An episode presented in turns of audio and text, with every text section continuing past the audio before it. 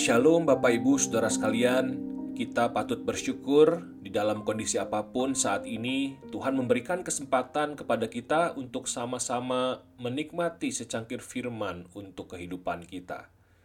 Yang menjadi dasar perenungan kita hari ini adalah Injil Matius pasal 23 ayat 2 dan 3. Dengarkanlah firman Tuhan ahli-ahli Taurat dan orang-orang Farisi telah menduduki kursi Musa. Sebab itu turutilah dan lakukanlah segala sesuatu yang mereka ajarkan kepadamu, tetapi janganlah kamu turuti perbuatan-perbuatan mereka, karena mereka mengajarkannya tetapi tidak melakukannya. Yang berbahagia ialah mereka yang mendengarkan firman Allah dan memeliharanya. Haleluya!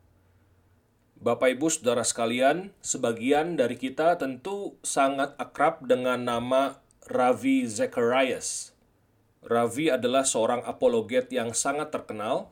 Selama puluhan tahun pelayanannya, Ravi membela Kristenan secara rasional. Tuhan telah memakai pelayanan Ravi secara luar biasa. Secara khusus kepada orang-orang yang sangat menghargai rasionalitas di dalam beriman, pelayanan Raffi ini sangat luar biasa memberkati Bapak Ibu Saudara sekalian. Kalau biasanya kita mendengar kalau beriman itu dan akal budi kan sering kali dipertentangkan begitu ya. Melalui pelayanannya, Ravi sering kali berhasil menunjukkan bahwa yang namanya rasionalitas dan iman semestinya tidak bertabrakan. Justru ketika kita beriman, kita itu punya dasar-dasar rasional untuk kita mengimani apa yang kita imani. Saya termasuk salah satu orang yang sangat diberkati oleh pelayanan beliau. Itulah sebabnya ketika punya kesempatan untuk melakukan internship di Ravi Zacharias International Ministry Asia Pacific, saya tidak ragu mengambil kesempatan tersebut. Ravi meninggal pada tanggal 19 Mei 2020 yang lalu. Tidak sedikit orang yang merasa kehilangan. Namun pasca kematiannya, sisi gelap dari kehidupan Ravi terungkap ke publik.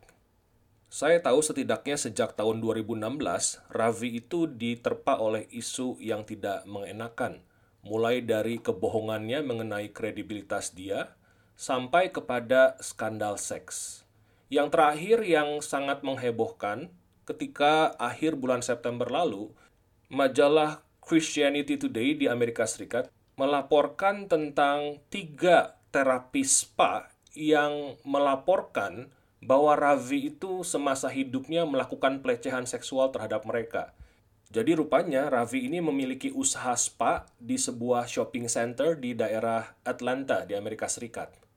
Banyak orang sangat terkejut dan sangat kecewa mendengar berita ini, Bapak Ibu Saudara sekalian. Bagaimana tidak? Seseorang yang sangat dikagumi, yang sangat memberkati mereka, bahkan Tuhan telah pakai Ravi untuk membawa mereka kepada Tuhan dan bertobat, mereka terkejut. Kok bisa ya orang sehebat Ravi, sekali beravi, melakukan kebejatan seperti itu? Dan tidak sedikit yang sangat kecewa. Kok Rafi bisa ya tidak menghidupi apa yang ia ajarkan? Di dalam salah satu tulisannya, Ravi pernah menuliskan kira-kira seperti ini. Saya yakin satu-satunya halangan terbesar untuk orang bisa percaya kepada Injil bukanlah ketidakmampuan Injil untuk memberikan jawaban terhadap pertanyaan-pertanyaan rasional. Bukan itu, kata Ravi. Tetapi hambatan terbesar untuk orang percaya kepada Injil adalah kegagalan orang-orang Kristen untuk menghidupi ajaran Injil.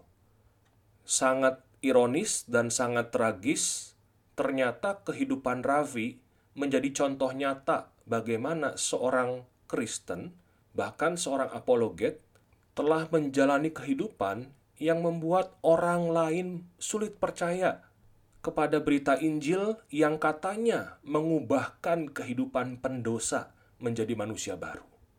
Rasanya sangat sedih sekali menyimak berbagai pemberitaan tentang Ravi pasca kematiannya Bapak Ibu Saudara sekalian. Ada beberapa orang yang bertanya kepada saya, apa pandangan saya terhadap kejatuhan Raffi yang diberitakan oleh media massa belakangan ini. Apakah kita sekarang mesti membuang buku-buku Ravi, membakar tulisan-tulisan Ravi, dan jangan lagi tonton semua ocehan Ravi di YouTube atau di media-media lainnya? Bapak Ibu Saudara sekalian, saya meyakini Matius 23 ayat 2 dan 3 memberikan petunjuk kepada kita bagaimana kita semestinya menyikapi situasi seperti ini. Ahli-ahli Taurat dan orang-orang Farisi pada zaman Yesus terkenal dengan kemunafikannya mereka mengajarkan ini dan itu, hal-hal yang baik tentang Taurat, tetapi mereka tidak melakukannya. Dan Yesus mengatakan di Matius 23 ayat 2 dan 3, Turutilah dan lakukanlah segala sesuatu yang mereka ajarkan kepadamu. Tetapi jangan kamu turuti perbuatan-perbuatan mereka, karena mereka mengajarkannya tetapi tidak melakukannya. Jadi untuk menyikapi kejatuhan pemimpin-pemimpin seperti Ravi, turutilah apa yang Yesus katakan. Turuti dan lakukan apa yang Ravi ajarkan. Tetapi, jangan lakukan apa yang Ravi lakukan. Turuti ajarannya. Ajaran-ajarannya baik kok. Tetapi jangan lakukan apa yang ia lakukan dengan segala kemunafikannya. Tidak sedikit orang yang bereaksi sangat keras, sangat mengecam Ravi karena segala perbuatannya ini, Bapak Ibu Saudara sekalian. Tentu perbuatan Ravi ini sangat salah, sangat bejat, sangat berdosa. Tetapi saya pikir daripada kita mengecam seseorang yang bahkan sudah meninggal, lebih baik kita waspada Bapak Ibu Saudara sekalian. Waspada bahwa setiap orang itu bisa jatuh. Bahkan orang seperti Ravi itu bisa jatuh sangat dalam Bapak Ibu Saudara. Kalau dia bisa jatuh, Artinya, saya dan Bapak Ibu Saudara sekalian pun bisa jatuh di lubang yang sama. Kita sama-sama manusia berdosa, Bapak Ibu Saudara sekalian. Kalau seorang Rafi bisa mengajarkan hal-hal yang baik, memikirkan hal-hal yang baik, yang benar, tetapi tidak melakukannya, kita pun sama. Jangan pikir kita lebih baik daripada Ravi Zacharias. Kita pun bisa tahu banyak hal baik tentang kekristenan, teologi sangat jago, tetapi hidup kita nol besar itu bisa terjadi. Kita bisa saja sudah menjadi anggota gereja selama puluhan tahun, bahkan melayani sebagai puluhan tahun, naik turun jadi penatua, puluhan tahun, sejak masa muda sampai usinda puluhan tahun, kita jadi penatua, jadi pelayan Tuhan. Tetapi belum tentu kita sungguh-sungguh menghidupi apa yang kita katakan dan apa yang kita ajarkan. Saya ambil satu contoh sederhana, Bapak Ibu, berkaitan dengan menghadapi musuh kita, orang yang kita benci, orang yang telah menyakiti kita, orang yang kita nggak senang. Yesus mengajarkan di Matius 5 ayat 44, Kasihilah musuhmu dan berdoalah bagi mereka yang menganiaya kamu. Saya yakin sekali tidak ada seorang pun di antara kita yang tidak tahu firman ini. Kita semua tahu. Bahkan kalau kita punya anak-anak, kita mengajarkan ini kepada anak-anak kita.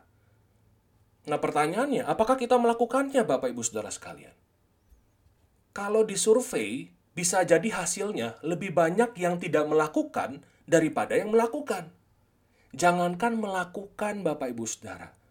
Niat untuk melakukannya pun sama sekali tidak ada. Apa? Doain dia. Jangan harap gue mau berdoa sama dia Jangan harap lu sampai gua masuk liang kubur gua nggak akan ampuni kesalahan dia. Nggak akan sampai gua mati. Jangan kaget kalau ucapan seperti ini bisa keluar dari seorang yang mengaku Kristen, tahu banyak tentang kekristenan, dan mulutnya mengabarkan Injil. Ini sangat bisa terjadi, Bapak Ibu Saudara sekalian.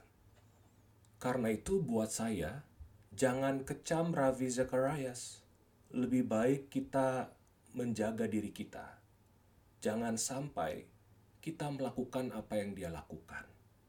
Mari mulai Bapak Ibu Saudara sekalian, mulai dari perkara-perkara kecil, hal-hal yang kecil, kita berupaya untuk taat dan setia.